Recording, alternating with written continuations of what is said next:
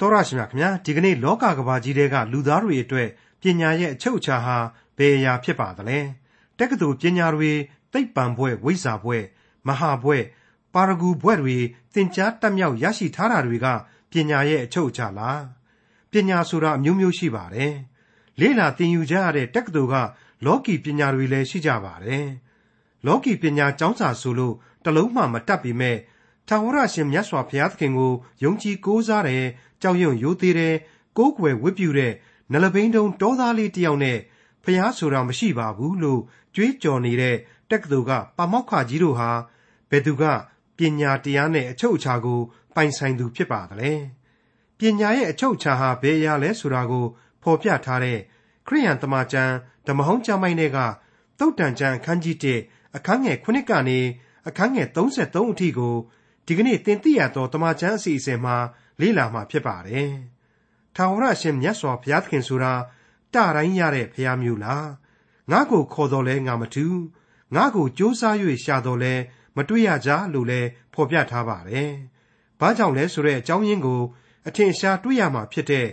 တုတ်တန်ကျမ်းအခန်းကြီး1အခန်းငယ်9ကနေအခန်းငယ်33အထိကိုဒေါက်တာထုံးမြတ်ရေးကအခုလိုလေ့လာတင်ပြမှာဖြစ်ပါတယ်။ တင်သိရသောတမန်ကျမ်းရဲ့မိတ်ဆွေတော်တတ်ရှင်အပေါင်းတို့ခမညာကျွန်တော်ဟာပြီးခဲ့တဲ့သင်ခန်းစာတွေကတည်းကသုတ်တန်ကျမ်းဟာတောင်ရောက်မြောက်ရောက်ရေးသားဖွဲ့စည်းထားတဲ့ကျမ်းမျိုးမဟုတ်ဘူးလက်လှမ်းသင့်တယ်လို့အရှင်းသင့်တယ်လို့ပြုစုလိုက်တဲ့စာပေမျိုးလည်းမဟုတ်ဘူးပွားများစေကြဖို့ဖြစ်တယ်ဆိုတဲ့အကြောင်းတွေကိုသိနာလေခဲ့ကြပြီးပါပြီအဲ့ဒီနောက်မှာတော့သုတ်တန်ကျမ်းစကားတို့အဖြစ်လူဘဝအတွင်းမှာအခြေသင့်တဲ့အနေမြင့်နိုင်မယ်ပညာရှိသူတို့ကိုဆက်လက်တိုးတက်ကြွယ်ဝစေပြီးတော့ နားလည်နိုင်စွမ်းပကားရှိရင်ရှိနိုင်သလောက်လျှို့ဝှက်နေနေသောဘုရားသခင်၏ဘုန်းတော်၌တည်ရှိနေတဲ့အရာများထူးခြားသောသစ္စာတရားများကိုရှာဖွေတွေ့ရှိကြရမှာဖြစ်တယ်ဆိုတဲ့အကြောင်းတွေကိုပါပြီးခဲ့တဲ့သင်ခန်းစာမှာသုတ်တန်ကျမ်းအဖွင့်စကားအဖြစ်ကျွန်တော်တင်ပြခဲ့ပြီးပါပြီမိษွေတို့ကြားနာခဲ့ကြပြီးပါပြီမိษွေတို့အဖို့လေဘုရားသခင်သိစေခြင်းနဲ့ပညာဉာဏ်သဘောတရားများကိုများစွာသိနိုင်ခွင့်ရှိပြီလို့ကျွန်တော်ကျေနပ်နှစ်သိမ့်မိပါတယ် ဒါရီယာအမှန်တကယ်တော့ကိုဟာဘလောက်အထိဉာဏ်ရှိတယ်တနည်းအားဖြင့်နားလည်နိုင်စွမ်းရှိတယ်တုတ်တန်ကျမ်းတွေကိုဘလောက်အထိကြည်ညက်စွာဆင်ခြင်နိုင်တယ်ဆိုတာကိုစမ်းသပ်စေဖို့ရန်အတွက်တုတ်တန်ကျမ်းကိုရေးသားသူရှောလမုန်မင်းကြီးကစိန်ခေါ်လိုက်တာနဲ့လေအတူတူပဲဆိုတာကိုပါကျွန်တော်ကတင်စားဖော်ပြခဲ့ပြီးဖြစ်ပါတယ်မိတ်ဆွေအပေါင်းတို့ခမညာအခုလိုသိပ္ပံအတတ်ပညာတွေအကြီးအကျယ်ပောက်ကွဲထွန်းကားတိုးတက်နေတဲ့ခေတ်ကြီးထဲမှာသိပ္ပံစမ်းသပ်ခန်းကြီးတွေတဲကသိပ္ပံပညာရှင်ကြီးတွေရဲ့ကျေးဇူးတရားတွေကြောင့် လူအကျိုးပြုလုပ်ငန်းကြီးတွေအမြောက်အများပေါ်ထွက်နေတဲ့ဆိုတာကိုကျွန်တော်တို့တွေ့မြင်ရပါတယ်ဘယ်နည်းနဲ့မှညင်းလို့မရနိုင်ပါဘူး genetic engineering လို့ခေါ်တဲ့မျိုးရိုးဗီဇကိုတောင်မှပြုပြင်ပြောင်းလဲနိုင်တဲ့အတတ်ပညာတွေ cloning လို့ခေါ်တဲ့ရုပ်သဏ္ဍာန်နဲ့ဗီဇသဏ္ဍာန်တွေကိုစပွားစေနိုင်တဲ့အတတ်ပညာတွေနက္ခတ္တဗေဒသုတေသနလုပ်ငန်းတွေဆိုရင်အလွန်တိုတောင်းတဲ့အချိန်ကာလအတွင်းမှာကိုပဲမျက်လုံးပြူးမျက်စံပြူးဖြစ်ရလောက်အောင်တိုးတက်ထွန်းကားနေတယ်လို့ကျွန်တော်မြင်တွေ့ရပါတယ်။ တနည်းအားဖြင့်တော့ဒါတွေဟာလေအရင်အခါကနည်းနည်းသောလျှို့ဝှက်သည့်အရာတွေသာဖြစ်တယ်ဒါတွေကိုအခုချိန်မှာလူအုံနောက်နဲ့သိပ္ပံအတတ်ပညာတွေကဖော်ထုတ်ပေးလိုက်တာပဲဆိုပြီးတော့လူတွေရဲ့စွန့်ပကတတ္တိတွေကိုချီးမွမ်းထောမနာပြုတ်အမှားကလည်းအသေးချာပဲဖြစ်ပါလေအခုသုတ်တန်ကျမ်းကစိန်ခေါ်သန်းဟာလေအခုလိုပဲနည်းနည်းသောအရာတွေဘုရားသခင်ရဲ့ဘုန်းတော်ကြောင့်ကွယ်ဝှက်ထားသောအရာတွေကိုလူသားတွေဟာနားလည်နိုင်စွမ်းအားများနဲ့ဘလောက်အထိဆက်လက်ရှာဖွေတွေ့ရှိနိုင်ကြမလဲ တွေ့ရှိပြန်တော့ရောဘလောက်အထိနားလေခံယူနိုင်စွမ်းရှိလာကြမလဲဆိုတာကိုစိန်ခေါ်ခြင်းပဲဖြစ်တယ်လို့ကျွန်တော်ဆိုချင်ပါတယ်ဒါပေမဲ့နည်းနည်းတာချင်းအတူတူမှအဆင့်ချင်းတော့မတူပါဘူးအခုနားလေနိုင်သောလူစွမ်းအားနဲ့သုတ်တန်စကားတို့ရဲ့အတိတ်ဘယ်ကိုနားလေဖို့ဆရာဟာသိပ္ပံအတတ်ပညာတွေတဲ့ပို့ပြီးနားလေဖို့ခက်တယ်ဒါပေမဲ့အလွန်ကောင်းမွန်တဲ့ဝိညာဉ်ခွန်အားများကိုပေးစွန်းမှာဖြစ်တဲ့အတွက်ကြောင့်မလို့လောကီနဲ့နဲခြင်းတွေတဲ့ပုံမို့ပြီးတော့လေ့လာဖို့ကောင်းတယ် အလွန်သာလွန်ကောင်းမွန်တဲ့လောကုတ်တရားစုကျေးဇူးတွေကိုဒီသုတ်တန်ကြံသင်ခန်းစာများအားဖြင့်မိษွေတို့ကျွန်တော်တို့ရရှိနိုင်ကြမှာဖြစ်တယ်လို့ကျွန်တော်ဆိုချင်ပါတယ်ပညာရှိသောသူသည်နားထောင်သဖြင့်ပညာအတတ်တိုးပွားရလိမ့်မည်ဉာဏ်ကောင်းသောသူသည်သုတ်တန်စကားအ내အတိတ်ပဲကို၎င်းပညာရှိဟောပြော၍နည်းနည်းသောစကားတို့ကို၎င်းနားလေသောနေတည်ဆရာအဖြစ်သို့ရောက်ရကြလိမ့်မည်တဲ့ဒါပြီးခဲ့တဲ့သင်ခန်းစာရဲ့ဏိဂုံးအငယ်9နဲ့6ကဖော်ပြခဲ့တဲ့အချက်ဖြစ်ပါတယ် ကျွန်တော်အဖို့သုတ်တန်ကြံစကားတွေဟာအခုမှစတင်ကြရမှာဖြစ်ပါတယ်ဒီစကားတွေရဲ့အ내အတိတ်ပဲတွေကိုနားလည်နိုင်ကြပါစေပညာဉာဏ်အသိတရားများတိုးပွားနိုင်ကြပါစေစင်ကျင်တုံတရားများဖျားသခင်ဤဘုန်းတော်ကိုနားလေခံယူနိုင်သောအသိစိတ်များပွားများနိုင်ကြပါစေဖျားသခင်ဤဘုန်းတော်၌ခိုလှုံခြင်းအားဖြင့်သာရယူနိုင်တဲ့ခွန်အားအစွန်းတတ္တိဒူးများကိုထိတွေ့ခံစားနိုင်ကြပါစေလို့မေတ္တာပို့သရင်နဲ့သင်ခန်းစာအသစ်တို့ကိုစတင်ကြပါစို့ သုတ်တန်ကျမ်းအခန်းကြီး1အငယ်9ထာဝရဘုရားကိုကြောက်ရွံ့သောသဘောသည်ပညာ၏အချုပ်အခြာဖြစ်၏လူမိုက်တို့သည်ပညာနှင့်ဥပရိသတို့ကိုမထီမဲ့မြင်ပြုတတ်ကြ၏ပြက်ပြက်သားသားအလွန်ရှိတဲ့ဖော်ပြချက်ပါပဲသုတ်တန်ကျမ်းရဲ့ဏိဒန်းမိတ်ဆက်မှာကလေးကဖော်ပြခဲ့တဲ့အတိုင်းပဲ parallelism လို့ခေါ်တဲ့လမ်းပြိုင်လင်္ကာရဲ့သဘောတရားနဲ့ဖော်ပြထားတာကိုတွေ့ရပါတယ်ထာဝရဘုရားကိုကြောက်ရွံ့သောသူဟာပညာအဆင့်အတန်းအမြင့်ဆုံးသောလူတစ်ယောက်လို့ခေါ်နိုင်တယ်လူမိုက်တို့အတွက်ကတော့ ဘုရားသခင်ကိုအရှင်းမကြောက်ရွံ့ဘူးပညာသတိလည်းမရှိဘူးဘုရားသခင်ခြားထားပေးတော်မူတဲ့ပညာတော်ဥပရိသတို့ကိုလည်းမထီမဲ့မြင်ပြုတတ်တယ်ဆိုပြီးတော့ပေပေနေနေဖော်ပြပေးလိုက်ပါတယ်မိတ်ဆွေအပေါင်းတို့ခမညာထာဝရဘုရားကိုကြောက်ရွံ့ခြင်းသဘောဆရာဟာပညာဉာဏ်ရဲ့အခြေခံအုတ်မြစ်ဖြစ်တယ်ဆိုတာကိုတချို့ပြည့်ရဲ့ပြုကျင်တဲ့လူတွေကတော့လွယ်လွယ်ကူကူလေးပဲအကိုအကားပြုပြီးတော့ခြေပတာကိုကျွန်တော်တို့ကြားမှုပါတယ်ကျောင်းစာအနေနဲ့စာတရမ်းမှမအောင်မြင်တဲ့နလပိန်တုံတော်သားလေးတယောက်ဘုရားသခင်ကိုယုံကြည်ကိုးစားတယ် ကြောက်ရွံ့ယူသေးတယ်ကိုးကွယ်ဝတ်ပြုတယ်အဲ့ဒီလိုလူမျိုးဟာဖះကိုမကိုလည်းမကိုကွယ်မကြောက်လည်းမကြောက်ရွံ့တဲ့တက္ကသိုလ်ပါမောက္ခကြီးတယောက်လောက်ဘယ်လိုလုပ်ပြီးတော့ပညာရှိဖြစ်နိုင်မလဲဆိုတဲ့လူအတွေးမျိုးနဲ့ဇောရကတက်ကြခြင်းခြေပကြခြင်းပါပဲအဲ့ဒီလိုဇောရကတက်ခြင်းအတွက်ပြီးခဲ့တဲ့သင်ခန်းစာမှာပညာတရားဟာခရစ်တော်ကိုယုံကြည်ခြင်းနဲ့ခရစ်တော်ကိုရရှိခြင်းဖြစ်တယ်ဆိုတဲ့အခြေခံသဘောတရားကိုယူပြီးတော့ပြန်ရှင်းမယ်ဆိုရင်အလွန်လွယ်ကူတဲ့အဖြေကိုရရှိနိုင်ပါလိမ့်မယ်။ ကျောင်းစာပညာကိုတလုံးမှမတတ်တဲ့တိုင်အောင်ဘုရားသခင်ကိုကြောက်ရွံ့ယိုသေးတဲ့လူရဲ့စိတ်ဝိညာဉ်မှာခရစ်တော်ဟာအစဉ်တစိုက်ရှိနေတယ်။ဘုရားသခင်ဟာဒီလိုလူမျိုးကိုအစဉ်လမ်းပြနေပါတယ်။အဲ့ဒီဘုရားသခင်ဟာမြေကြီးနဲ့မြေကြီးတစားကို၎င်းလောကရနှင့်လောကသားတို့ကို၎င်းပိုင်တော်မူသောသခင်ဆိုပြီးတော့ဆာလံတီချင်းမှာဖော်ပြထားပြီးပြီလေ။အဲ့ဒီတော့အရာရာကိုစိုးပိုင်တော်မူသောသခင်ဖြစ်လို့ဒီဘုရားသခင်ကိုယုံကြည်သူဟာကျောင်းစာပညာတွေကိုအလွတ်ရဖို့မလိုဘူး သူယုံကြည်တဲ့ဘုရားသခင်နဲ့အတူမြဲမြဲမြံမြံရှိနေသမျှကာလပတ်လုံးသူဟာပညာတရားရဲ့အချုပ်အခြာကိုအလိုအလျောက်ပိုင်နေပြီဆိုတာရှင်းနေပြီမဟုတ်ဘူးလား။ဘာဖြစ်လဲဆိုတော့သူ့ရဲ့ရင်တွင်းနှလုံးသားထဲမှာဘုရားသခင်ကျင်းဝတ်နေပြီ။ဒီဘုရားသခင်ရဲ့ဘုံတကူတော်ကိုအမိပြုခြင်းအပြင်သူ့ရဲ့အသက်တာဟာပညာသတိနဲ့ပြည့်ဝနေပြီလို့ပြက်ပြက်သားသားမြင်နိုင်ပါတယ်။ပါမောက္ခပါရဂူကြီးဖြစ်တယ်ဆိုပါတော့ဘုရားသခင်ကိုမကိုးကွယ်သူဖြစ်နေမယ်ဆိုရင် စัจ java လာကြီးကိုတတ်နိုင်လို့တပတ်ပြီးတပတ်ပတ်ပြီးတော့အာကာသမှာပဲပျော်ပွဲစားထွက်နေနေအဲ့ဒီလောကီပညာတွေကိုမိုးမွန်အောင်တတ်တဲ့ပညာရှင်ကြီးတယောက်ဟာဘုရားသခင်သူ့စိတ်ဝိညာဉ်မှာမရှိသေးတဲ့ကာလပတ်လုံးဘုရားသခင်ကိုမစည်းကပ်မကိုးကွယ်သေးတဲ့ကာလပတ်လုံးသူပိုင်ပါတယ်ဆိုတဲ့စွန့်ပကတတ္တိတွေဟာမြေကြီးနဲ့ဆိုင်တဲ့တတ္တိသာဖြစ်တယ်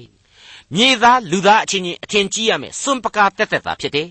အနန္တတကုရှင်ဘုရားသခင်ကိုသူဟာရယူထားခြင်းမရှိသမျှကာလပတ်လုံး အဲ့ဒီမြေကြီးနဲ့ဆိုင်တဲ့အရာတွေအပေါ်မှာဝါကြွားနိုင်တာကလွဲလို့လက်မထောင်နိုင်တာကလွဲလို့ဂုံယူနိုင်တာကလွဲလို့ဝိညာဉ်ရေးအနှစ်သာရဘာမှမရှိတဲ့လူလို့ပဲကျွန်တော်ကတော့ပြက်ပြက်သားသားသတ်မှတ်ရမှာပါကျွန်တော်ကပြက်ပြက်သားသားသတ်မှတ်တယ်ဆိုလို့ကျွန်တော်လည်းအထင်မကြီးနဲ့နော်ကျွန်တော်ကသုတ်တန်ကျမ်းကိုအမိပြုတ်ပြီးတော့ဘုရားသခင်ရဲ့တန်ရှင်းသောဝိညာဉ်တော်ရဲ့သဘောတရားကိုခံယူပြီးတော့သတ်မှတ်ခြင်းဖြစ်ပါတယ်သုတ်တန်ကျမ်းဆရာကရှင်းရှင်းပြက်ပြက်သားသားဖော်ပြလိုက်ပြီးပြီလေဘုရားသခင်ရဲ့တန်ရှင်းသောဝိညာဉ်တော်ကကြေညာလိုက်ပြီးပြီ ထာဝရဘုရားကိုကြောက်ရွံ့သောသဘောသည်ပညာ၏အချုပ်အခြာဖြစ်၏လူမိုက်တို့သည်ပညာနှင့်ဥပရိသတို့ကိုမထီမဲ့မြင်ပြုရကြ၏တဲ့မရှင်းဘူးလား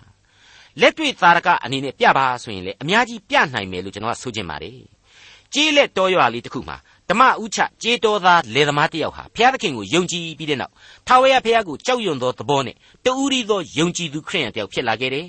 သူ့ရဲ့ယုံကြည်ခြင်းမျိုးဆက်ဟာနှစ်တရာလောက်အတွင်းမှာအသင်းတော်ကြီးတွေကိုပွားများလာစေတယ် အမှုတော်ဆောင်ပေါင်းမြောက်များစွာတို့ကိုဖော်ထုတ်ပေးနိုင်တယ်။ယုံကြည်ခြင်းအလွန်တရာခိုင်မြဲတဲ့သားစဉ်မြေဆက်တွေကိုအတွန့်ရှည်တည်တံ့အောင်ဆောင်ကျဉ်ပေးသွားနိုင်ခဲ့တယ်ဆိုတာကိုတွေ့ရပါတယ်။အဲ့ဒီတိုင်းမှာပဲအင်မတန်ချမ်းသာကြွယ်ဝတဲ့မင်းဆိုးရာစာအတိုင်းအဝိုင်းကမယုံကြည်သူတရား။ဘုရားသခင်ကိုအကျွင့်မဲ့ကြောခိုင်းတော်လှန်ပြီးတော့ဖယမဲ့တယမဲ့ဘဝကိုရောက်သွားတာနဲ့တပြိုင်နက်မျက်လှည့်ပြလိုက်တယ်လို့ပဲ။မျိုးရိုးစင်ဆက်ရှိသမျှဂုံအသရေတွေရှိသမျှအကုန်လုံးပြုတ်ပြုတ်ပြုံးကုန်တာကိုတွေ့ရတယ် ဆွေမျိုးတွေအကုန်လုံးဆင်းရဲမွဲတီကုန်ကြရတယ်။တစ်ချိန်ကာလကချမ်းသာကြွယ်ဝခြင်းဆရာဟာပြောလို့တောင်မှယုံကြည်နိုင်ပွဲမရှိတဲ့ဒန္တာကြီးပုံပြင်တစ်ခုလိုပဲမိโกများလိုကွယ်ပြောက်သွားတယ်ဆိုတာကိုကျွန်တော်တွေ့မြင်ရပါတယ်။မိတ်ဆွေအပေါင်းတို့ခမညာလောကီမျက်စိနဲ့ကြည့်ပဲမကြည့်ပဲနဲ့လောကုတ်တရားအမြင်နဲ့သာကြည့်မယ်ဆိုရင်ပို့ပြီးတော့အတိတ်ပဲလေးနဲ့ကျယ်ဝန်းနေလိမ့်မယ်လို့ကျွန်တော်ဆိုချင်ပါတယ်သုတ်တန်ကျမ်းအခန်းကြီး1အငယ်8နဲ့9ငါသာ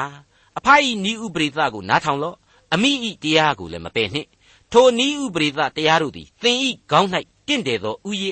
သင်ဤလေပင်၌ပတ်ရသောလေဆွဲဖြစ်ကြလိမ့်မည်ထာဝရဘုရားကိုယုံကြည်သောမိသားစုများကနေပြီးတော့ယုံကြည်ခြင်းအမွေကိုခံယူခဲ့ရတဲ့သားသမီးကလေးတွေတိုင်းဟာဒီကြမ်းကြက်ကိုဘယ်တော့မှမေ့ပြောင်နိုင်ပွဲမရှိဘူးလို့ကျွန်တော်ဆိုချင်ပါတယ်ဒီအပိုင်းဟာလူလင်ပြိုလုံမပြိုလေးတွေကို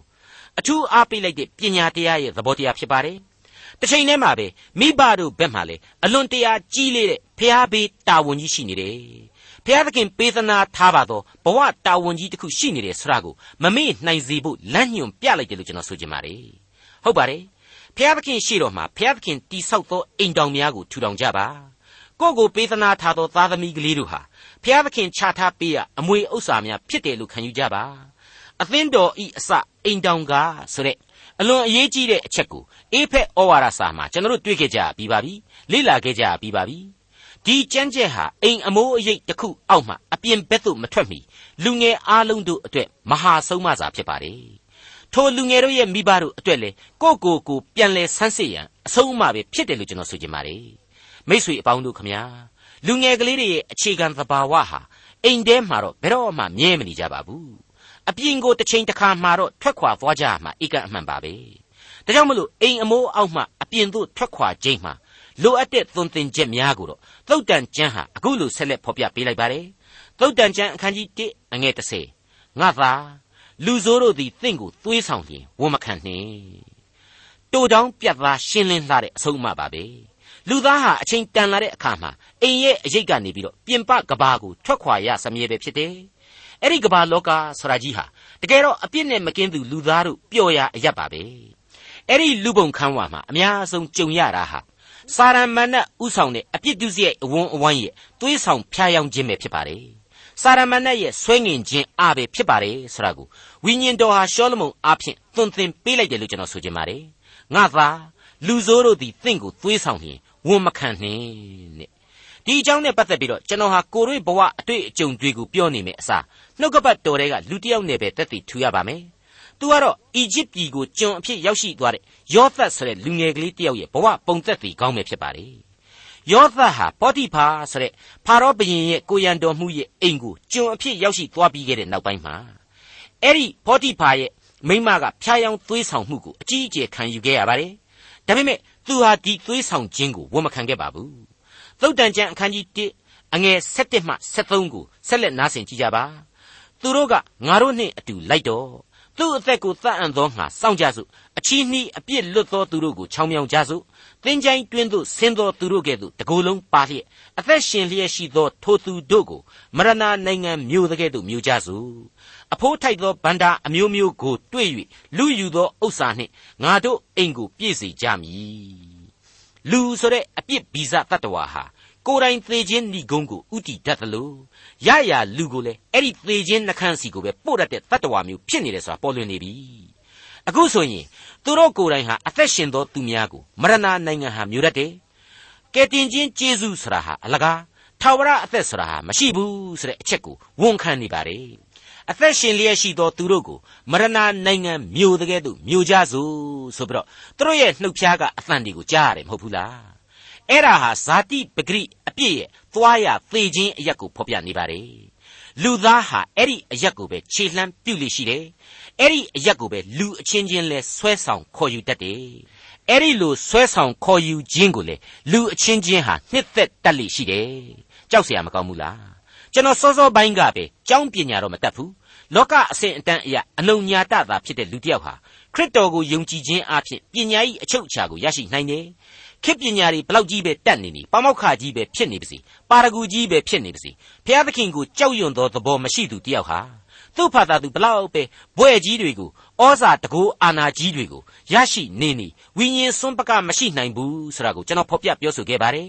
ရှင်းလင်းပြခဲ့ပြီးဖြစ်ပါတယ်အခုဆိုရင်အိမ်အမိုးအောက်ကထွက်ခွာသွားတဲ့သားသမီးလူငယ်ကလေးတွေဟာအဲ့ဒီလိုဘုရားသခင်မရှိဘူးဆိုတဲ့လူမိုက်တွေဘုရားသခင်ကိုကြောက်ရွံ့ခြင်းသဘောအရှင်းမရှိတဲ့လူတွေနဲ့တွေ့ရတဲ့အချိန် ပျက်စီးရပျက်စီးကြောင်းတွေကိုဒီလူတွေဝိုင်းပြီးတော့ဆွဲကြပြီသွေးဆောင်ကြပြီသူတို့ရဲ့ကြောက်မဲ့ဖွယ်အစိတ်အတောက်တွေကိုပြန့်နှံ့စေပြီဆိုတဲ့အကျိုးဆိုးတွေကိုကျွန်တော်တို့တွေ့ရပြီမဟုတ်ဘူးလားမိษွေတော်တတ်ရှင်အပေါင်းတို့ခမညာအဲ့ဒီလိုပညာကြီးတွေတက်ယုံသာတက်တဲ့ပညာရှိမဟုတ်တဲ့လူတွေပညာတရားမရှိဘူးလို့ဆိုနိုင်တဲ့လူတွေကိုတက်တဲ့အတတ်ပညာနဲ့ဘုရားသခင်ကိုထောင်ထားခြားနာတော်လှန်နေဝန်းတဲ့လူတွေရဲ့ကြောက်မဲ့ဖွယ်မျိုးစေ့တွေဟာ ဒီကနေ့ဒီကဘာမြေကြီးကိုညဉ့်ညမ်းစေတယ်ဆိုရင်ဘယ်သူညဉ့်နိုင်မှာလဲသူတို့ရဲ့အတက်ကျူးမှုကြီးတွေဟာဘလူးကြီးများလို့ဖြစ်လာစေတယ်စာရမဏတ်ရဲ့နေပယ်ကိုပို့ပြီးတော့ကြီးမားထွားချိုင်ကျယ်ပြန့်လာစေတယ်လို့ကျွန်တော်တို့မြင်နိုင်ပါတယ်အခုအချိန်မှာတော့သုတ်တန်ကျမ်းအခန်းကြီး1အငယ်14မှ19ကိုဆက်လက်နားဆင်ကြည့်ကြပါအောင်စို့ငါတို့နှင့်ပေါင်းဖော်တော့ရသောဥစ္စာကိုအညီအမျှပိုင်ကြစို့ဟုဆိုတော်လေငါသာသူတို့နှင့်အတူမလိုက်နှင့်သူတို့သွားသောလမ်းကိုရှောင်လော့ အကြောင်းမူကားသူတို့ခြေသည်ဒုစရိုက်ပြုရာသို့ပြေး၍လူအသက်ကိုတတ်ခြင်းဟာလျင်မြန်၏အကယ်စင်စစ်ငှက်မျက်မှောက်၌ပိုက်ကွန်ကိုဖြန့်ထားလျင်အကြံမမြောက်ရာလူဆိုးတို့သည်ကိုယ်အသွေးကိုသွန်းအံ့သောငါစောင့်၍ကိုယ်အသက်ကိုတတ်အံ့သောငါချောင်းမြောင်တတ်ကြ၏မတရားသောစီးပွားကိုရှာသောသူအပေါင်းတို့သည်ထိုသို့သောအကျိုးကိုခံရ၍ထိုစီးပွားသည်မိမိအရှင်အသက်ကိုတတ်တတ်၏မိษွေတော်တတ်ရှင်အပေါင်းတို့ခမညာလွန်ခဲ့တဲ့နှစ်ပေါင်း80ခန်းက ရုပ်ကျမ်းဝါဒဆိုတဲ့ဝါဒကြီးတစ်ခုခေါင်းထောင်လာခဲ့တာကိုကျွန်တော်ပြန်ပြီးတော့သတိရမိကြဖို့လိုပါတယ်အဲ့ဒီရုပ်ကျမ်းဝါဒရဲ့ကြောက်မဲ့ဖွယ်အတိတ်ကာလဖြစ်စဉ်တွေကိုပြန်တွေးကြည့်ခြင်းစရာကောင်းလာတယ်လို့ကျွန်တော်ဆိုချင်ပါတယ်နိုင်ငံရေးသဘောတရားအရာကမ္ဘာသမိုင်းမှတ်တိုင်အဖြစ်ဘာနဖူးကိုတိုက်တူးတဲ့အရင်ရှင်းတွေကိုအရင်ရှင်းရမယ်ဆိုပြီးတော့ရုပ်ကျမ်းဝါဒကြီးဟာခေါင်းထောင်ခဲ့ပူပါတယ်အင်္ဂလိပ်လိုကတော့ raw materialism လို့ခေါ်မယ်ထင်ပါတယ် အမှန်တော့နှလုံးသားကင်းမဲ့တဲ့အရင်ရှင်တွေကိုဖျားသခင်မကြိုက်သလိုဖျားသခင်ကိုမခန့်လေးစားလုပ်ခဲ့တဲ့တော်လှန်ရေးတို့ဟာလေအသရေရုပ်လျော့စွာနဲ့အလို့အလျောက်ကြဆုံးကုန်ခဲ့ရတယ်။ဘယ်သမိုင်းမှမကောင်းခဲ့ကြဘူး။ကျွန်တော်ယုံကြည်သူတို့အတွက်ချမ်းသာသည်ဖြစ်စေ၊ကုန်းကောက်စရာမရှိအောင်ဆင်းရဲနေသည်ဖြစ်စေအပြစ်ဒုစရိုက်ဆိုတဲ့ဖျားသခင်မကြိုက်တဲ့လမ်းများကိုတော့ရှောင်ပြစ်အောင်ရှောင်ကြဖို့အထူးပဲလိုအပ်လာပါတယ်။သုတ်တန်ကျမ်းအခန်းကြီး1အငယ်20မှ23 ပညာသည်အပြင်မှကြွေးကြော်၍လမ်းခရီးတို့၌မိမိစကားသံကိုလွှင့်တတ်၏လူစည်းဝေးရာအဦး၌၎င်းမြို့တကားဝါတို့၌၎င်းမြို့တဲ၌၎င်းခေါ်၍မွဲ့ဆိုသောစကားဟုမူကားအိုးလူမိုက်တို့သင်တို့သည်မိုက်သောအကျင့်ကိုနှစ်သက်လျက်ကဲ့ရဲ့သောသူတို့သည်ကဲ့ရဲ့ခြင်း၌မွေ့လျော်လျက်မိုက်မဲသောသူတို့သည်ပညာအတတ်ကိုမုန်းလျက်အဘယ်မျှကာလပတ်လုံးနေကြလိမ့်မည်နီငါဆုံးမသောစကားကိုနားထောင်၍ပြောင်းလဲကြလော့ ငါဝိညာဉ်ကိုသင်တို့အပေါ်သို့ငါသွန်းလောင်း၍ငါစကားဤအ내အတိတ်ပဲကို နားလေစေမည်ဒီဖော်ပြချက်အပြင်ပညာတရားသည်ဘုရားသခင်ကိုတည်ကျွမ်းခြင်းဘုရားသခင်ကိုကြောက်ရွံ့ယိုသေးခြင်း၌ဘလောက်အထိအမြင့်ဆွဲတည်နေတဲ့အရာဖြစ်တယ်ဆိုတာကိုပို့ပြီးတော့နားလည်လာရစီပါတယ်ဒီအပိုင်းတွေကပညာသည်အပြင်မှာကြွေးကြော်၍လမ်းခရီး၌မိမိစကားသံကိုလွှင့်တတ်၏ဆရာဟာ စောစောကဘုရားသခင်လွှမ်းမိုးရာအိမ်တောင်စုအရေးကထွက်ခွာခြင်းမှာပညာရှိသောသားသမီးလူငယ်တို့ရဲ့ဂုံအသရေထင်ရှားခြင်းအကြောင်းကိုသိသာထင်ရှားပေါ်လွင်စေတယ်လို့ကျွန်တော်ဆိုချင်ပါတယ်နှုတ်ကပတ်တော်ရဲ့အလွန်ကောင်းမွန်သောဖော်ပြချက်တစ်ခုအနေနဲ့တွေ့ရတာကတော့ဘုရားသခင်ဟာအဲ့ဒီလူမိုက်တို့အတွက်ကျေးဇူးပြုနိုင်ခြင်းကောင်းစေလိုသောသဘောရှိခြင်းဆိုတဲ့အချက်ကိုဖော်ပြလိုက်ခြင်းပဲဖြစ်ပါတယ်နားထောင်၍ပြောင်းလဲကြလော့ဆိုတာဟာလူဆိုးလူမိုက်အားလုံးကိုဖိတ်ခေါ်တာပဲမဟုတ်ဘူးလား အပြစ်ကဘာလောကကလူသားတိုင်းတို့အတွက်သုတ်တန်ကျမ်းကနေတဆင့်ဘုရားသခင်ကြည်ညာလိုက်တဲ့အသံပဲမဟုတ်ဘူးလားသုတ်တန်ကျမ်းအခန်းကြီး1အငယ်24မှ31ငါသည်ခေါ်၍သင်တို့သည်ညင်းပယ်သောကြောင့်၎င်းငါလက်ကိုဆန့်၍အဘယ်သူမျှမမှတ်သောကြောင့်၎င်းငါသတိပေးခြင်းရှိသမျှကိုသင်တို့သည်ပယ်၍ငါဆုံးမသောစကားတခွန်းကိုမျှနားမခံဘဲနေသောကြောင့်၎င်းသင်တို့သည်ဘေးဥပတ်နှင့်တွေ့ကြုံသောအခါငါရေမည် ကြောက်မဲ့ဖွယ်သောအမှုရောက်သောအခါငါပြည့်ရည်ပြုမည်သင်တို့ကြောက်မဲ့ဖွယ်သောအမှုသည်တုတ်တင်ပယ်ရှင်းခြင်းအမှုကဲ့သို့၎င်းသင်တို့ပျက်စီးခြင်းအမှုသည်လေပြင်းမုန်တိုင်းကဲ့သို့၎င်းရောက်လာ၍သင်တို့သည်ဆင်းရဲခြင်းပူပန်ခြင်းနှင့်တွေ့ကြုံသောအခါထိုအမှုရောက်သောသူတို့သည်ငါ့ကိုခေါ်တော်လဲငါမထူငါ့ကိုကြိုးစား၍ရှာတော်လဲမတွေ့ရကြအကြောင်းမူကားသူတို့သည်ပညာအတတ်ကိုမုံကြ၏ထာဝရဘုရားကိုကြောက်ရွံ့သောသဘောကိုအလိုမရှိကြ ငါသတိပေးခြင်းကိုအရှင်းနားမခံကြငါဆုံးမခြင်းရှိသမျှကိုမထီမဲ့မြင်ပြုကြ၏ထို့ကြောင့်သူတို့သည်ကိုကျင့်ခြင်း၏အကျိုးအပြစ်ကိုစား၍ကိုကြံသောအကြံတို့နှင့်ဝကြလိမ့်မည်ရှင်းရှင်းကလေးဒီကြမ်းပိုင်းကိုဘာသာပြန်ရမယ်ဆိုရင်တော့အတိတ်ပဲကောက်နှုတ်ရမယ်ဆိုရင်တော့ဖျားသခင်ကိုသာကိုးစားအားထားကြပါအမိပြုကြပါလို့တိုက်တွန်းတောင်းဆိုလိုက်တဲ့အတူတူပဲဖြစ်ပါလေ မိษွေတို့ကျွန်တော်တို့ဟာပထမမြောက်သောဆာလံအခန်းကြီး1မှာကလေးကမင်္ဂလာမရှိသောသူဆိုတဲ့စာရန်ဘက်တော်သားမတရားသောသူများရဲ့ခရစ်တော်နှင့်အတူယက်တည်သောမင်္ဂလာရှိသောသူတို့ရဲ့ဆိုပြီးတော့လူရန်စားကြီးနှစ်ရက်တို့ရဲ့မတူညီခြားနာခြင်းကိုဘုရားသခင်ကတဆင့်ဖော်ပြပေးခဲ့ပြီးတဲ့အတွက်ကြောင့်မင်္ဂလာရှိသောလူနဲ့မင်္ဂလာမရှိသောလူတို့ရဲ့သဘောတရားကိုသိနာလေခဲ့ကြပြီးပါပြီ စာရန်ဘက်တော်သားနဲ့ခရစ်တော်ရဲ့ဘက်တော်သားတို့ရဲ့ခြားနာချက်ကိုလည်းမိษွေတို့နားလေခဲ့ကြပြီးပါပြီအဲ့ဒီလိုနားလည်မှုရှိခဲ့ပြီးပြီဆိုရင်အခုသုတ်တန်ကျမ်းအခန်းကြီး1အငယ်24ကနေ31အတွင်းမှာဖော်ပြခဲ့တဲ့အချက်ဟာဘာမှခက်ခဲစရာအကြောင်းမရှိတော့ဘူးလို့ကျွန်တော်ခံယူပါတယ်ငါရဲ့သတိပေးခြင်းဆုံးမခြင်းကိုနားမခံငါဘက်မှမနေတဲ့အတွက်ကြောင့်ဘေးဥပတ်ကိုတွေ့ကြုံရမှာပဲငါမင်းတို့ကိုမကယ်နိုင်ဘူးတဲ့မင်းတို့ရဲ့ကြောက်မဲ့ဖွယ်သောအမှုတွေဟာ တုတ်တင်ပယ်ရှင်းခြင်းအမှုလိုရောက်လာလိမ့်မယ်မင်းတို့ကိုလေပြင်းမုန်တိုင်းမှွေသလိုမင်းတို့ဘဝတွေပြက်ကုန်ကြရလိမ့်မယ်တဲ့ဒါဟာဘုရားသခင်တဏီတလန်အဖြစ်၆လှန့်ခြင်းသတိပေးခြင်းပါပဲ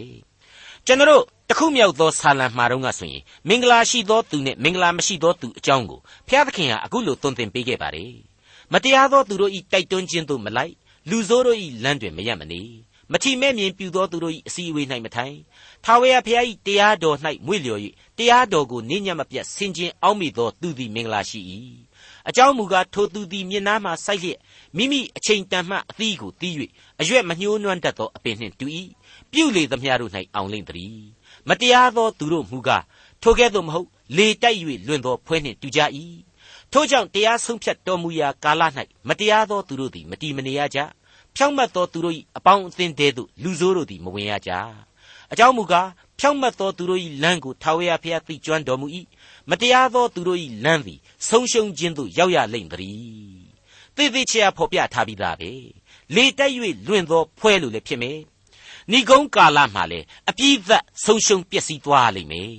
ကျွန်တော်ကိုဒီသင်ငန်းစာတွေဟာအလေးအနက်သတိထားဖို့အစဉ်တစိုက်ဆုံးမဩဝါဒပြုနေပါတယ်အခုသုတ်တန်ကျမ်းသင်ငန်းစာများနဲ့ပေါင်းဖက်လိုက်တဲ့အခါမှာတော့အလွန်တန်ဖိုးရှိတဲ့ဝိညာဉ်ရေးတတ္တိဒုများကိုပေါ်ထွက်လာစေတယ်လို့ကျွန်တော်ခံယူမိပါတယ်ဒီနေရာမှာအလေးအနက်တွေးတောစရာတစ်ချက်လည်းရှိပါသေးတယ်သင်တို့ဤပျက်စီးခြင်းသည်လေပြင်းမုန်တိုင်းကဲ့သို့ရောက်လာ၍ဆိုတဲ့အချက်ပါကျွန်တော်ဒီနေရာမှာအသေးစိတ်စဉ်းစားမိရင်နဲ့လူသားတိုင်းတို့ရဲ့ဘဝအသက်တာတိုင်းဟာ လေပြင်းမုန်တိုင်းတော့တကွေ့ကွေ့မှာကြုံရစမြဲကြီးပဲဖြစ်ပါလေဘုရားသခင်၌မင်္ဂလာရှိသောသူအဖို့ကတော့အသက်လမ်းမှာအသက်ရည်ကိုသုံးသောက်ပြီးတော့အမြင့်ဆွဲနေတဲ့အတွက်ကြောင့်ပျက်စီးเสียအကြောင်းမရှိနိုင်ပါဘူး။တီးပွင့်ဝေစားတဲ့အသက်တာဖြစ်လာရပါလိမ့်မယ်။လူမိုက်တို့သွားရလမ်းကတော့ဘယ်လူသားမှမလွတ်မြောက်နိုင်တဲ့လောကရန်လေပြင်းမုန်တိုင်းတစ်ခုခုကြောင့်လွင့်ပါပျက်စီးဆုံးရှုံးသွားမှာအသေးချာဖြစ်တယ်ဆိုတာကိုသတိပေးလိုက်တာ ਨੇ အတူတူပဲလို့ကျွန်တော်ခံယူပါတယ်မိ쇠အပေါင်းတို့ခမညာ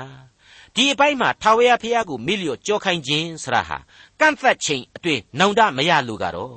ပြက်အစဉ်ပြင်မရဖြစ်သွားနိုင်တယ်ဆိုတာကိုဖော်ကျူးလိုက်ပါတယ်ငါ့ကိုစူးစမ်း၍ရှာတော်လဲမတွေ့ရကြ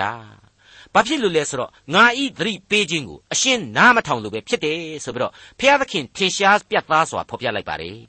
မိษွေတော်တတ်ရှင်အပေါင်းတို့ခမညာဖျားသခင်ရဲ့ဆုံးမသွန်သင်ချက်တို့ကိုမပြတ်မကွက်ခံယူကြပါစို့ ဖျားသခင်ရဲ့ကွယ်ကာဆောင်ထိန်တော်မူခြင်းကိုအစဉ်တစိုက်ခံယူကြပါစို့သုတ်တန်ကျမ်းအခန်းကြီး1အငယ်32နဲ့33ကိုဆက်ပြီးတော့ဖတ်ပြခြင်းပါတယ်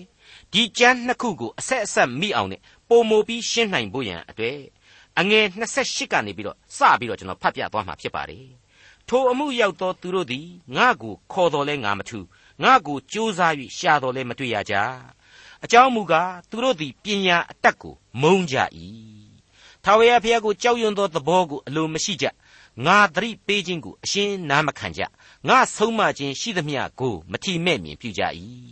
ထိုကြောင့်သူတို့သည်ကိုကျင့်ခြင်းဤအကျိုးအပြစ်ကိုစား၍ကိုကြံသောအကြံတို့နှင့်ဝါကြလိမ့်မည်ဉာဏ်တိမ်သောသူတို့သည်လမ်းလွဲသဖြင့်အသက်ဆုံးတတ်ကြ၏မိုက်သောသူတို့သည်သတိလစ်သောအဖြစ်ပျက်စီးခြင်းသို့ရောက်တတ်ကြ၏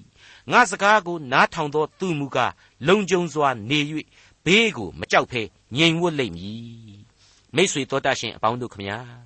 ကဲတင်ရှင်ကိုစွန့်ပေခြင်းဆရာဟာဝိညာဏသေခြင်းကိုဖြစ်စေတယ်ဆိုတာဖော်ပြလိုက်တယ်လို့နှုတ်ကပတ်တော်အတိုင်းရှင်သန်ခြင်းဟာထာဝရအသက်လံခရီးဖြစ်တယ်ဘေးမသိရမခကျေးဇူးတော်ကိုခံစားရမယ်အသက်တာကိုဖြစ်စေလိမ့်မယ်ဆိုတာကိုသုတ်တန်ကျမ်းအခန်းကြီး1ဟာရှင်းလင်းပြတ်သားစွာဖော်ပြလိုက်ပါတယ်ဉာဏ်တိမ်သောသူတို့သည်လမ်းလွဲသဖြင့်အသက်ဆုံးတတ်ကြ၏ မိုက်သောသူတို့သည်သတိလစ်သောအဖြစ်ပျက်စီးခြင်းသို့ရောက်တတ်ကြ၏ငါစကားကိုနားထောင်သောသူမူကားလုံခြုံစွာနေ၍ဘေးကိုမကြောက်ဖဲငြိမ်ဝတ်လိမ့်မည်မိษွေတို့အဖဖျားသခင်ရဲ့စကားကိုနားထောင်ကြဖို့အရေးဟာဒီကနေ့အရေးပဲဖြစ်ပါတယ်ဒီနေရာမှာကျွန်တော်ဟာအတိတ်ကကျွန်တော်အကြိမ်ကြိမ်ဖော်ပြခဲ့ဘူးတဲ့တန်ဝေကကြပြားကလေးတစ်ခုကိုပဲအနည်းငယ်ပြုတ်ပြင်းပြီးတော့ဒီနေရာမှာတင်ဆက်ပေးခြင်းပါသေးတယ် ဒီကနေ့အဖို့ဏိဂုံးပိုင်းမှာတင်ပြအပ်တဲ့ဒီလင်္ကာလေးကိုတော့ကျွန်တော်ကရှင်သန်ကြဖို့ဆိုပြီးတော့အမိပေးခြင်းပါတယ်